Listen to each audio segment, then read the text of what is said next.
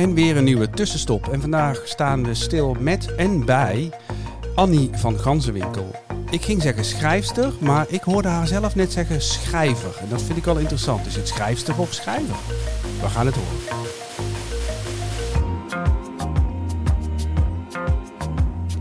Dag Annie. Hallo Ron. Um, uh, uh, schrijver of schrijfster? Ja. Ben jij van de oude stempel? Nee, juist niet, denk ik. Dit is volgens mij heel genderneutraal om te zeggen dat ik schrijver ben. Maar niet, dat zit, die gedachte zit er niet achter. Maar uh, schrijfster, dat heeft voor mij toch soms iets denigrerends. Van een schrijfstertje. En een schrijver, dat is echt een vak. Je bedoelt, daar zit geen geslachts... Nee, schrijver is een vak. En, en, en het heeft, vroeger had je een secretaris, dat was toch echt iemand anders dan een secretaresse. En uh, nou ja, daar kun je een hele, hele semantische discussie over voeren. Maar ik noem het toch het liefste schrijver of auteur. En auteur is helemaal, nou ja, dat, je hebt geen autrice. Dus als ik auteur zeg, dan is er niks aan de hand. Schrijver. Ik vind het een goede uitleg. Ik weet ook voortaan dat ik gewoon altijd zeg schrijver. Sommige schrijfsters willen liever schrijfster genoemd worden. Oh, toch wel? Dus ja, dus het is geen uh, garantie. hey, um, uh, jij bent schrijver al heel lang. Um, en ik las dat je het al op je twaalfde wist. Dat je het wilde worden of dat je het was? Nee, toen was ik het helemaal niet. Ik wilde het graag worden en dat was iets voor later. Ik wist ook niet hoe je dat moest doen, hoe je dat moest aanpakken. En uh, ik, ik, ik, kwam uit een gezin waar wel gelezen werd, of tenminste, ik, ik las wel veel. Maar als ik tegen mijn ouders had gezegd ik wil schrijver worden, waren ze zich een ongeluk geschrokken. Van, wat, ja, daar kun je toch de kost niet mee verdienen. Dus ik, uh, na de middelbare school ben ik maar eerst een goed vak gaan leren. Ik ben lerares geworden, maar ik dacht wel later word ik schrijfster. Schrijfster. Toen nog, hè? Schrijfster. de valkuil. Nederlands en Frans heb je gestudeerd? Ja, eerst, eerst Frans. En, uh, maar dat had, uh, ik gaf toen ook al les en toen ben ik toch Nederlands gaan studeren, omdat ik toch echt wel heel erg met die taal bezig wilde zijn. En eigenlijk op de middelbare school dacht ik er wel over om journalist te worden. Maar journalisten dat was waren ook nog te mijn, gevaarlijk. Dat was te gevaarlijk, want dat waren, dat waren mensen die hadden een wild leven. Die roken en dronken zich een ongeluk. Dus uh, daar kon ik ook niet mee aankomen, dacht ik. Maar ik vond, ik was te verlegen en ik had het ook niet gedurfd. Dus tien jaar later ben ik journalistiek gaan uh, studeren. Leek iets heel anders na zeven jaar onderwijs, maar het had wel weer met taal te maken. En ik zou nog steeds later zou ik schrijver worden. Dat, had, dat was zo'n zo'n beeld. Tot ik in 1985, toen werkte ik inmiddels bij de krant. En toen ben ik in deeltijd gaan werken, omdat ik dacht, ja, ik moet onderhand maar eens gaan kijken. Het is nu onderhand wel tijd voor later. En uh, kan ik het wel? Wil ik het wel? Wil iemand mijn boeken wel lezen en uitgeven? Is dat ook een reden waarom je er niet aan begint? Omdat je denkt, ja, als ik de, als ik de stap maak en ik schrijf wat en niemand vindt er wat aan, Tuurlijk. Ja, dat is de, als je ergens aan begint, dan kun je mislukken, falen. En dan uh, zo'n droom hebben, dat is natuurlijk heel veilig. Op het moment dat het op, tot uitvoering komt, dan, uh, ja, dan kan het dus ook wel eens heel erg mislukken. En zolang je zelf de keuze kunt maken van nou, ik vind er eigenlijk niks aan, dan, uh, dan is het prima. Je gaf net aan, ja, mijn ouders vonden zo'n keuze misschien niet helemaal de juiste, maar dat vulde je in. Heb ik ingevuld, nooit gevraagd, nooit over gehad. Want waren ze dan streng of nee. uh, bekrompen? Of? Nee, maar ze waren wel van de vastigheid. Zekerheid. Mijn, ja, mijn vader heeft 40 jaar bij dezelfde baas gewerkt. Ik heb drie keer een vaste baan opgezegd. Dus elke keer dachten Hoe ze. kon je ook, dat nou doen? Ja. Uh, dus elke keer dachten ze ook, wat, wat gaat ze nu weer doen? Heeft ze net een vaste baan? Uh, hè, als je in het onderwijs zit, dan kun je, nou, met, met een, bij, in die tijd heette dat nog een welvaartsvast pensioen, kun je 40 jaar vooruit. Maar uiteindelijk, mijn rode draad was altijd die taal. Was altijd uh, eerst de taal en daarna ook het, het, schrijven erbij. Dus het waren niet zomaar ineens weer iets heel anders gaan doen. Maar het, het, ja, ze begrepen het niet. En ik had natuurlijk op een gegeven moment had ik ook heel, helemaal hun toestemming of goedkeuring niet nodig. Maar, maar toch wel, toch? Tuurlijk, je blijft als kind blijf je altijd vragen: papa, mama, doe ik het wel goed? Dat, en wat is hun antwoord daar inmiddels op? Nou, ze leven nu niet meer, maar ze waren wel apetrots toen mijn eerste boek uitkwam en mijn tweede boek. En uh, zij waren niet echt van die boekenlezers. Ze lazen wel kranten en zo, maar niet echt van die boekenlezers. Maar, maar die zij, van jou? Ja, die lazen ze niet allemaal hoor, maar die lazen, die lazen ze wel. Ja.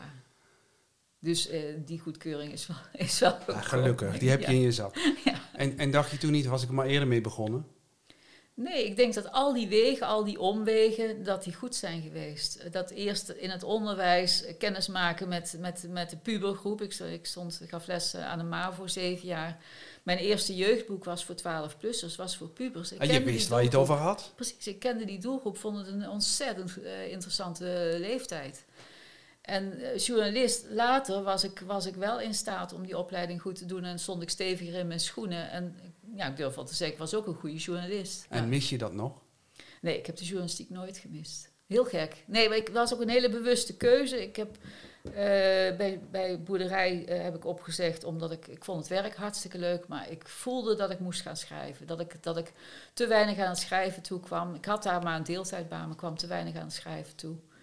En uh, het, het, was, het heeft me ontzettend veel geleerd. En over al die plekken waar ik ben geweest. En mensen met veel enthousiasme horen praten. Of over een boerenbedrijf. Of een kweker van zebravinken in Loon op Zand. Die was wereldkampioen geworden met zijn zebravinken. Ik vond het fantastisch. Wat was het onderwerp van je eerste boek? dat, dat heet Reisgenoten gezocht. Het ging over een, uh, een, meisje van 12 en haar moeder. Haar ouders waren gescheiden en haar moeder. Maar dat was je eerste uitgegeven boek, toch? Oh, wacht even. Het moment, het moment dat je zegt, ik ga het doen. En dan ga je iets schrijven. Oh ja, ja dat, dat zit tussen, tussen 85 en 92. Daar zit een heleboel tussen. Daar, uh, daar zitten twee mislukte romans tussen. Dat is toch echt afschuwelijk. Dat, je, daar, dat je die sprong maakt en dan, dan ga je dat doen. En dan werk je daar, nou, ik doe even een gokje, minimaal een half jaar aan. Klopt dat? Ja, minstens. Maar even... Is en dan? Ja, en ja. dan? Ja, dan wordt het niet uitgegeven. En dan denk ik, ja, dat ligt in die uitgever. Dan nog een Ah, keer, nog een poging, nog een poging. Maar even een misverstand. Eh, in 85 ging ik in deeltijd werken bij de krant in Tilburg. Eh, dat heb ik dus gedaan tot de verhuizing naar Wageningen in 93. Toen ik bij Boerderij opzegde en echte journalistiek eh vaarwel zei, dat was in 1997, maar er waren er al vijf boeken uit, er waren er al vijf boeken verschenen. Dus, eh, Oké, dus in dus ik wist wel waar ik, waar ik, waar- waar- op welk moment ik stopte met de journalistiek. Omdat ik niet, bijna niet kon voorstellen dat ik op een gegeven moment niet meer zou Oké, schrijven. die, die fase van proberen eh, vallen en opstaan, die had je al afgerond. Ja, ja, daar Ja, zaten ja, al die mislukte romans, twee mislukte romans voor, eh, voor volwassenen, allemaal afwijzingen. Maar dat lijkt me de moeilijkste fase, toch? Ja, maar wel ook de meest leerzame fase misschien wel. Dit, mijn eerste roman schreef ik, eh, begon ik onder een eh, boom op een camping in Frankrijk. In een schriftje dat ik in een boekhandel had gekocht daar. En zo heb ik het hele eerste boek eh, afgemaakt. En zo makkelijk is het ook nooit meer geworden. Het is ook niet uitgegeven, goddank. goddank, Ja. zeg je nu. Ja, tuurlijk, dat is zo slecht. Maar wist je dat toen ook al? Daar ben ik dan heel benieuwd naar. nee, Kijk, natuurlijk niet, anders had ik het niet bij twintig uitgevers geprobeerd. Want ik ben wel een, ik ben een optimistisch mens en een aanhouder. Ja, omdat je ook voor muzikanten eh, geldt dat je, eh, zeg maar, het, het streven naar perfectie is, is bijna dodelijk, Mhm. omdat je dan nooit iets zal uitbrengen. Dus als muzikant moet je heel erg accepteren dat, dat je, als je iets opneemt, is een momentopname. En, en, en dus zeg je, ja, dit is goed, het kan waarschijnlijk nog beter, maar nu gaat hij eruit. Dit is hem voor nu. En ik kan me voorstellen dat voor een, voor een schrijfproces dat dat, dat dat toch anders is. Dat je het, omdat het veel trager is, dat je, dat je dan dus juist wel streeft naar perfectie. Ehm, het, is, het is er niet makkelijker op geworden de afgelopen tien jaar. Want? Omdat ik ook weet wat er allemaal wel mis kan gaan. He, zo argeloos als dat eerste boek onder die, onder boom op de camping wordt het niet meer. Omdat ik nu weet, ik, ken, ik, ik heb ook Nederlands gestudeerd, dus ik wist ook welke theorie erachter zit. Eh, maar ik ben, eh, ik ben ook wel zo pragmatisch dat op het moment dat ik eh, een manuscript heel vaak gereviseerd heb en denk dit is het beste wat ik op dit moment kan leveren, dan kan ik het ook loslaten en naar de uitgever sturen. Dus ik ben, ik ben daar geen perfectionist in, maar het is niet makkelijker geworden. Maar wat maakt het dan niet makkelijker? Want het klinkt eigenlijk alsof het wel makkelijker wordt. Nou, omdat ik de valkuilen nu beter weet. En wat er allemaal. Ik, ik geef ook al 20, meer dan twintig jaar creatieve schrijfcursussen. Ook zakelijke schrijfcursussen, maar dat is iets heel anders. Dus ik, doordat ik werk van cursisten lees, zie ik dan. Soms moet ik ook beredeneren van. dit, dit zit niet lekker, waarom niet? En, dus ik ga steeds verder, kom ik achter het mechanisme van dingen die wel en niet Ja, ja, werken. je, je, je ziet dat iets niet goed gaat. Ja. En, en na twintig jaar kun je het ook uitleggen. Ja, want, kan ik het, ja, want daar vragen die cursisten ook om. Ja. Ja. van, dan kan ik wel zeggen, ja, ik voel aan dat het niet helemaal lekker zit. Ja, daar hebben ze niks aan. En eh, is dat ook leuk? Andere mensen leren schrijven? Heel erg leuk. Ja, ook omdat ik daar zelf heel veel van leer. En eh, zeker nu ik wat ouder ben, heb ik toch ongemerkt dat ik, ja, ongemerkt heel veel ervaring daarin heb opgedaan. En ik vind, ik vind het fantastisch om mensen daarin te stimuleren. En ik heb ook wel eens gezegd, ik zit mijn eigen concurrenten nu op te leiden. Maar dan denk ik ook weer, eh, laat duizend bloemen bloeien. En er zijn ook een aantal mensen die ik op cursus heb gehad, hè, of schriftelijke cursussen, die ook gedebuteerd zijn en succesvol zijn. Dat is alleen maar mooi. En het is echt niet dankzij mij. Die mensen waren er zonder mij ook wel gekomen. Maar daar heb ik dan misschien net even een klein stimulerend rolletje in gehad. Is dit aan concurrentie? Is die groot? Enorm. Enorm. Toen ik begon, toen mijn eerste boek uitkwam in 1992, waren denk ik de, het aantal schrijvers en met name van jeugdboeken, die, die zou ik bijna allemaal kennen. Nou, nu, ja, ook natuurlijk, er zijn zoveel nieuwe mensen gekomen. Maar er worden, zijn sinds die tijd ook zoveel meer boeken uitgegeven. Dus concurrentie is echt een heel stuk groter geworden. En, en, en eh, beïnvloedt dat je, je schrijfproces? Ik heb wel eens, eh, in het verleden ging ik nog wel eens naar van die boekenbeurzen. En dan kon ik daar helemaal ontmoedigd van raken. Dat ik dacht van, zoveel nieuwe boeken die er nu uitkomen dit jaar of dit seizoen. Hè, drie aanbiedingen per jaar. En dan eh, tigmaal zoveel uitgeverijen. En dacht ik, wat heb ik hier nog aan toe te voegen? Het is er allemaal al. En dan kwam ik thuis en de volgende ochtend zat ik achter mijn schrijftafel en dacht ik, ja, maar ik heb toch mijn eigen geluid. Ik ga toch weer verder. Schrijf jij omdat je dat verhaal wil vertellen? Of is het schrijven gewoon wat je trekt? Dat het eigenlijk dat het bijna niet uitmaakt waarover je schrijft. Ja, maar dan, in dat geval zou het ook niet uitmaken of ik gepubliceerd word. Dan is het, uh, nou laat ik me gewoon zelf een beetje leuk hobbyen. En uh, dan heb ik tenminste lekker geschreven. Nee, het is, het is veel meer dan dat. Uh, vroeger had ik misschien nog wel dat ik dacht, ik heb ook nog een boodschap voor de wereld. Nou, dat is, uh, als ik dat al heb gedacht, is dat er wel af. Wie ben ik? En bovendien luistert die wereld wel naar mij. Uh, nou, nu dus wel, hè? Want we nemen dit allemaal ja. op in uh, nou, ja. de hele wereld. Ja. ja. Dus als je die boodschap nog weet, dan is dit het moment. Oh ja, nee. dit is nu mijn finest hour. Nee, die heb je losgelaten, die boodschap. Ja. Um, maar het is wel belangrijk dat, dat ik weet dat er mensen lezen. En, en of, dat nou, of dat nou gaat om wat ik ongemerkt, want er is niks zo killing voor een verhaal als een boodschap die er heel boven, dik bovenop ligt. Uh, of ze die boodschap er nou uit oppikken of niet. Het mag, voor mij mag het ook uh, lezen zijn en even helemaal niet denken aan alles om je heen. Dat vind ik ook al fantastisch. Is er zoals jij op je twaalfde al wist dat je schrijver wilde worden en, en dat vervolgens nog een twintig jaar uitstelde? Uh, is er ook dat ene boek dat je altijd al wilde schrijven, maar dat nog wacht op dat goede moment? Dat ene onderwerp nee, waar je al niet, jaren ja. aan werkt? Nee, dat is niet. Ja, er ligt een thriller waar ik al negen jaar aan bezig ben. Maar dat, heeft, dat is niet het, het boek. Oké, okay, waarom dat duurt dat zo lang? Omdat, uh, omdat er allerlei andere boeken tussendoor komen. En het is niet één onderwerp waarvan ik denk dat is een boek dat wil ik nog ooit schrijven en daar ben ik nog niet aan toe, of dat kan ik nog niet, of dat durf ik ook nog niet, of daarvoor moeten eerst allerlei mensen in mijn omgeving dood zijn. Dat speelt helemaal niet. Heb je kinderen? Het, nee, ik heb geen kinderen. En geen nee. man? Nee, vrouw? nee, op dit moment niet. Nee, nee. Dus het boek Tonio uh, gaat niet uit Jan Vingers komen? Nou ja, er kunnen ook mensen in mijn omgeving doodgaan. Natuurlijk, als een eigen kind doodgaat, is natuurlijk, uh, dat, dat, dat, moet, dat, moet verschrikkelijk zijn. Nee, nee ik, ik noem het eigenlijk niet om, omdat jij niemand kent die je zo dierbaar is. Maar uh, dat is zo'n boek dat je natuurlijk overkomt, bijna. Ja, ja. Maar ik kijk, merk wel, nu ik wat ouder word, dat ik, uh, nu ik wat ouder word, dat, dat ik wel wat meer begin terug te kijken. Ik, ik, ik, mijn boek dat vorig jaar is verschenen, een jeugdboek, dat gaat over een jongen die, die heel geïnteresseerd is in techniek en zich verdiept in het 3D-printen. Dat vind ik ontzettend interessant. Ik ben ook naar een fablab geweest en ik denk, oh, ik kan niet wachten tot er een 3D-printer komt die mijn kleren kan maken, die ik zelf ontwerp. Dus dat, dat is de ene kant. Dat, dat staat ook niet stil. Maar ik heb natuurlijk wel veel tijd om, of tenminste veel jaren om op terug te kijken. Dus hoe is mijn leven gelopen en hoe, hebben andere, uh, hoe zijn anderen in mijn leven geweest? En dus daar gaan misschien wat meer autobiografische boeken komen, maar wel rondom een thema, maar daar komen we misschien nog wel op. Nou, ik zal eens een themaatje aansnijden. Ehm, corona. Corona, ik verwacht niet dat ik daar een boek over ga schrijven. Waar ik nu wel, wil je dat nog niet weten waar ik nu mee bezig ben? Jawel, ja, zeker. Ja, ik vind het altijd een beetje eng om daarover te praten. Nou, maar dan moet je dat niet doen. krijg je de primeur. Nou ja, ik heb er volgens mij wel eh, een keer in een blog iets over geschreven. Oh, de wereld weet het al. Nou ja. Vertel. hoeveel, volgers heb ik op mijn blog?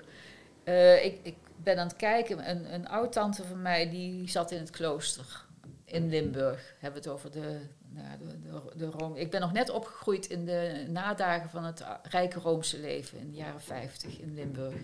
Uh, maar dus ik ben, ben opgegroeid dat het, dat het allemaal nog best streng en, en goed geregeld was. En in de jaren 60 werd het allemaal losser door het Tweede Vaticaans Concilie. En er, er mocht allemaal veel meer. Dat heb ik dus ook meegemaakt. Ik heb op een, een meisjesschool gezeten, een katholieke meisjesschool. Daarna naar een katholieke middelbare school, een MMS, waar nonnen nog de scepter uh, zwaaiden toen ik daar opkwam. Dus na twee, één of twee jaar vertrokken ze. Maar daar heb ik dus ook nog, ik wou zeggen, een tik van meegekregen. Maar ik ben blij dat ik het heb meegemaakt. Want het, de overgang daarna was natuurlijk, toen, daarna kwamen we in de jaren 60, jaren 70. Uh, als, als, als je dan iets over geloof zei, dan weet je, weet je zo een beetje, uh, zo van, waar heb jij het nou toch over? Maar in de jaren zeventig, toen ik uh, ging studeren in Tilburg, was ik actief in de studentenkerk. Want dat was, goddank, heel anders dan uh, de, de, katholieke kerk in, in Limburg. Dus dat voelde als een verademing.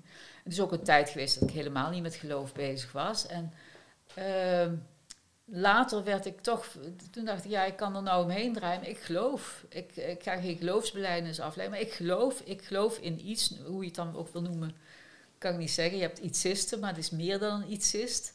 Uh, en toen dacht ik, het is, het is wel, het, niet dat het uniek is. Er zijn mensen van mijn generatie hebben hetzelfde meegemaakt, maar ik kan erover schrijven. Ik kan, dus ik ben uh, twee jaar geleden... Schrijven over dat je gelooft? Nee, nee. Maar dat je dat eigenlijk niet kan benoemen? Nee, nee, nee. Oh. Schrijven over de hele lijn. Ja, ja, ja. ja. lijn. Ik heb het rijke Roomse leven meegemaakt. Ik heb de tijd meegemaakt dat alles kon. Ik heb het zien verdwijnen. Ik heb gezien dat je iets moest uitleggen of dat ik iets moest uitleggen als ik zei ik geloof. Uh, hoe kan een weldenkend mens als jij nou geloven? Uh, en ik, ik ben een paar, twee jaar geleden ben ik naar Rolduc geweest, naar het klooster waar mijn tante dus 40 jaar uh, gezeten heeft in Kerkrade. En ik dacht ook dichterbij kan ik niet komen, maar dat was, was ja, dat, was, dat was, waren een paar dagen en dat was, dat was heel erg goed. En daar kreeg het boek verder vorm. Dus maar dat wordt dus een boek dat een hele lange periode gaat. Uh... Ja, ja. En ook uh, wat heb ik als kind meegekregen? Hoe heeft mijn moeder de geloofsopvoeding ingericht? Mijn vader stond daar een beetje buiten. En hoe, hoe ging dat verder? En hoe ging dat dan? Nou, het moest allemaal keurig volgens de regels. Dus in de, in de vaste tijd uh, toch wel drie keer per week naar de kerk, s morgens om zeven uur voor school. En dan had je zo'n vaste kalender, dan mocht je een hokje kleuren als je naar de kerk was geweest. Want ik, ken, ik heb dan het verhaal van mijn opa, die had dan zelf de Bijbel gelezen. En dat was eigenlijk niet de bedoeling. Dat is niet de bedoeling. Katholieken mochten niet de Bijbel lezen, want de, de pastoor die legde wel uit wat er stond. Ja, en dat, in die hoek zat jouw familie wel? Nou, zij waren daar helemaal niet zo bewust. Het was meer omdat het nou, nou eenmaal erbij hoorde. En daar kom ik dus steeds meer achter nu ik met dat boek bezig ben. Uh, het hele leven was doordezemd van de invloed van de katholieke kerk. Bijna alles was katholiek. We hadden één protestant meisje op de lagere school. Ja, daar was iets mee. Ja, met het arme kind, denk ik nu. Die, dat, we wisten dat ze protestant was. We hebben nooit gevraagd, wat doe jij dan? Ze ging dus, ja, dat ze bij ons op school, maar ze ging dus naar een andere kerk. Dus je had al die katholieke verenigingen. Eh, de, de, de pastoors, de geestelijke zaten in de, zaten, waren streng, sterk verbonden met de fabrikanten. En, dus ik zie, ehm, je had in de tijd van, van het pacifisme en zo in de jaren zeventig, uh, had je de term mili militair-industrieel complex.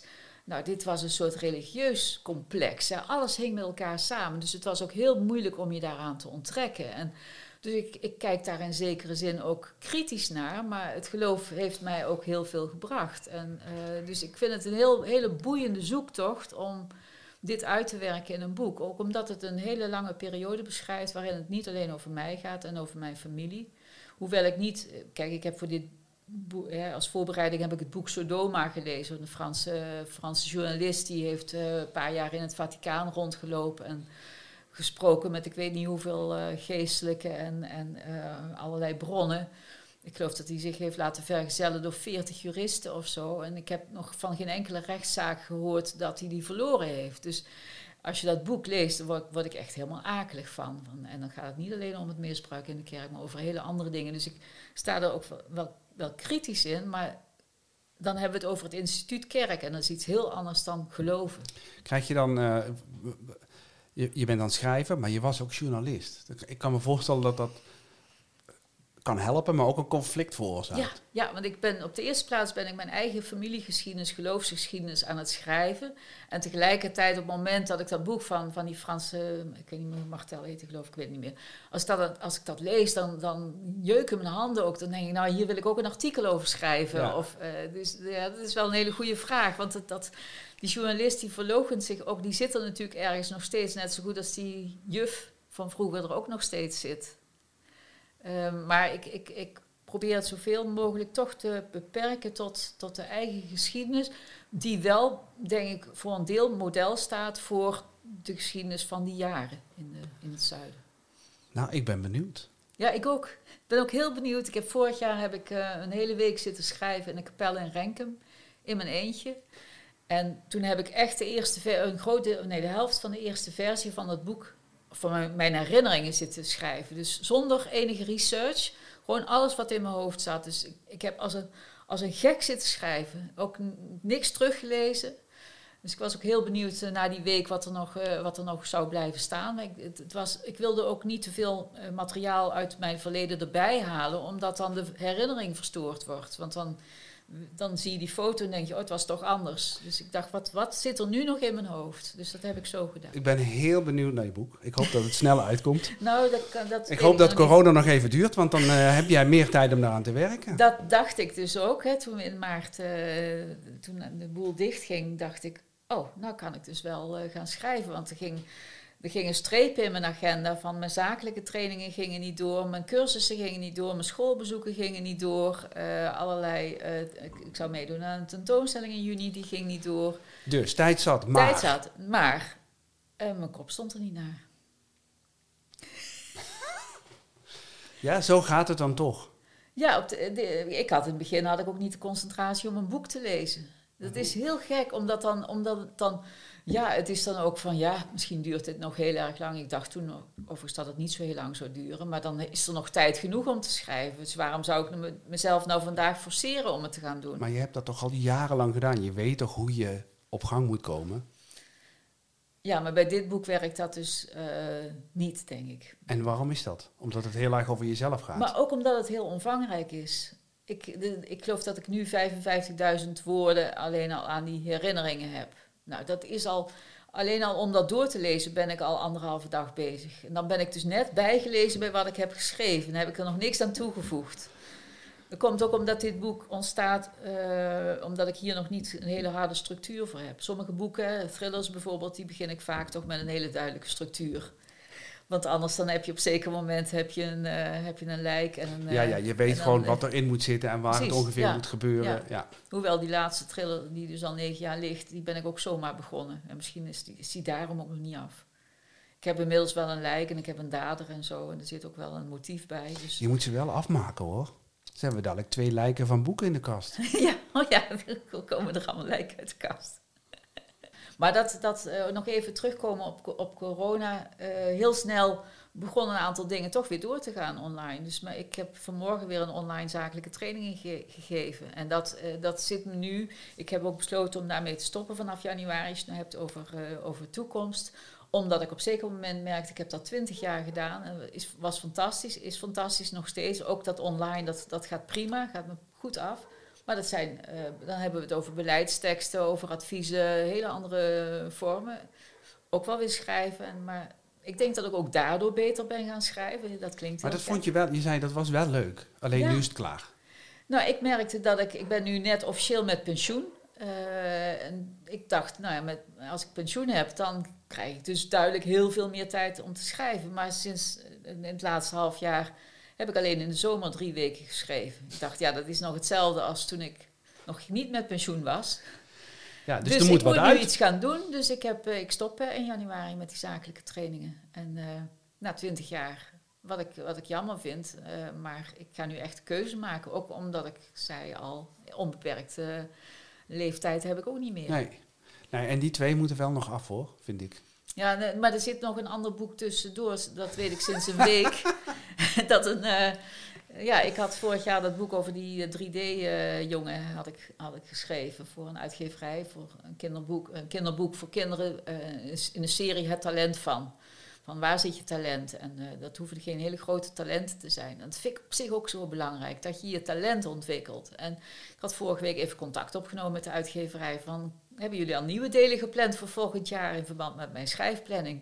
Nou, goed dat je reageert, want eh, we wilden je net bellen. Dus dat boek, dat moet eh, eind januari moet de eerste versie al af zijn, want ze willen dat graag in het voorjaar uitbrengen. Want het nieuwe thema van de kinderboekenweek is worden wie je bent, beroepen. Nou ja, daar past de talentserie fantastisch in. Dus daar Dus- heb ik een harde deadline, dus die gaat waarschijnlijk wel voor. Nou, vooruit. Maar dan. die nonnen die kunnen wel wachten. Oké.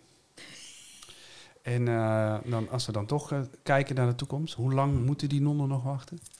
Nou, ik ga er volgend jaar wel mee bezig, want eh, mee verder. Want dat, nu is het verhaal voor mij nog actueel. In die zin dat ik er nog steeds, heb je net gemerkt, dat ik er heel enthousiast over praat. En dat ik, dat ik er dan ook meteen weer in zit als ik erover praat. Dus ik wil dat, daar ook niet te lang mee wachten. Misschien ben ik volgend jaar wel met een heel ander thema bezig. En het zou zonde zijn van dit werk, echt zonde. En dat past heel goed in deze context, om dat boek dan niet, eh, niet te maken. Want het is voor mezelf ook, denk ik, een belangrijk boek. Ik ben niet iemand om memoires te gaan schrijven, want dan denk ik, ja.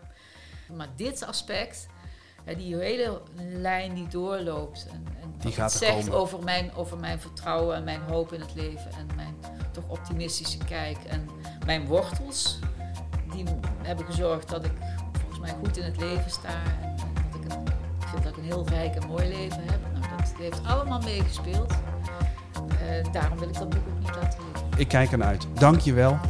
Graag gedaan, was een leuk gesprek, Ron. En eh, als het boek er is, komen we gewoon terug.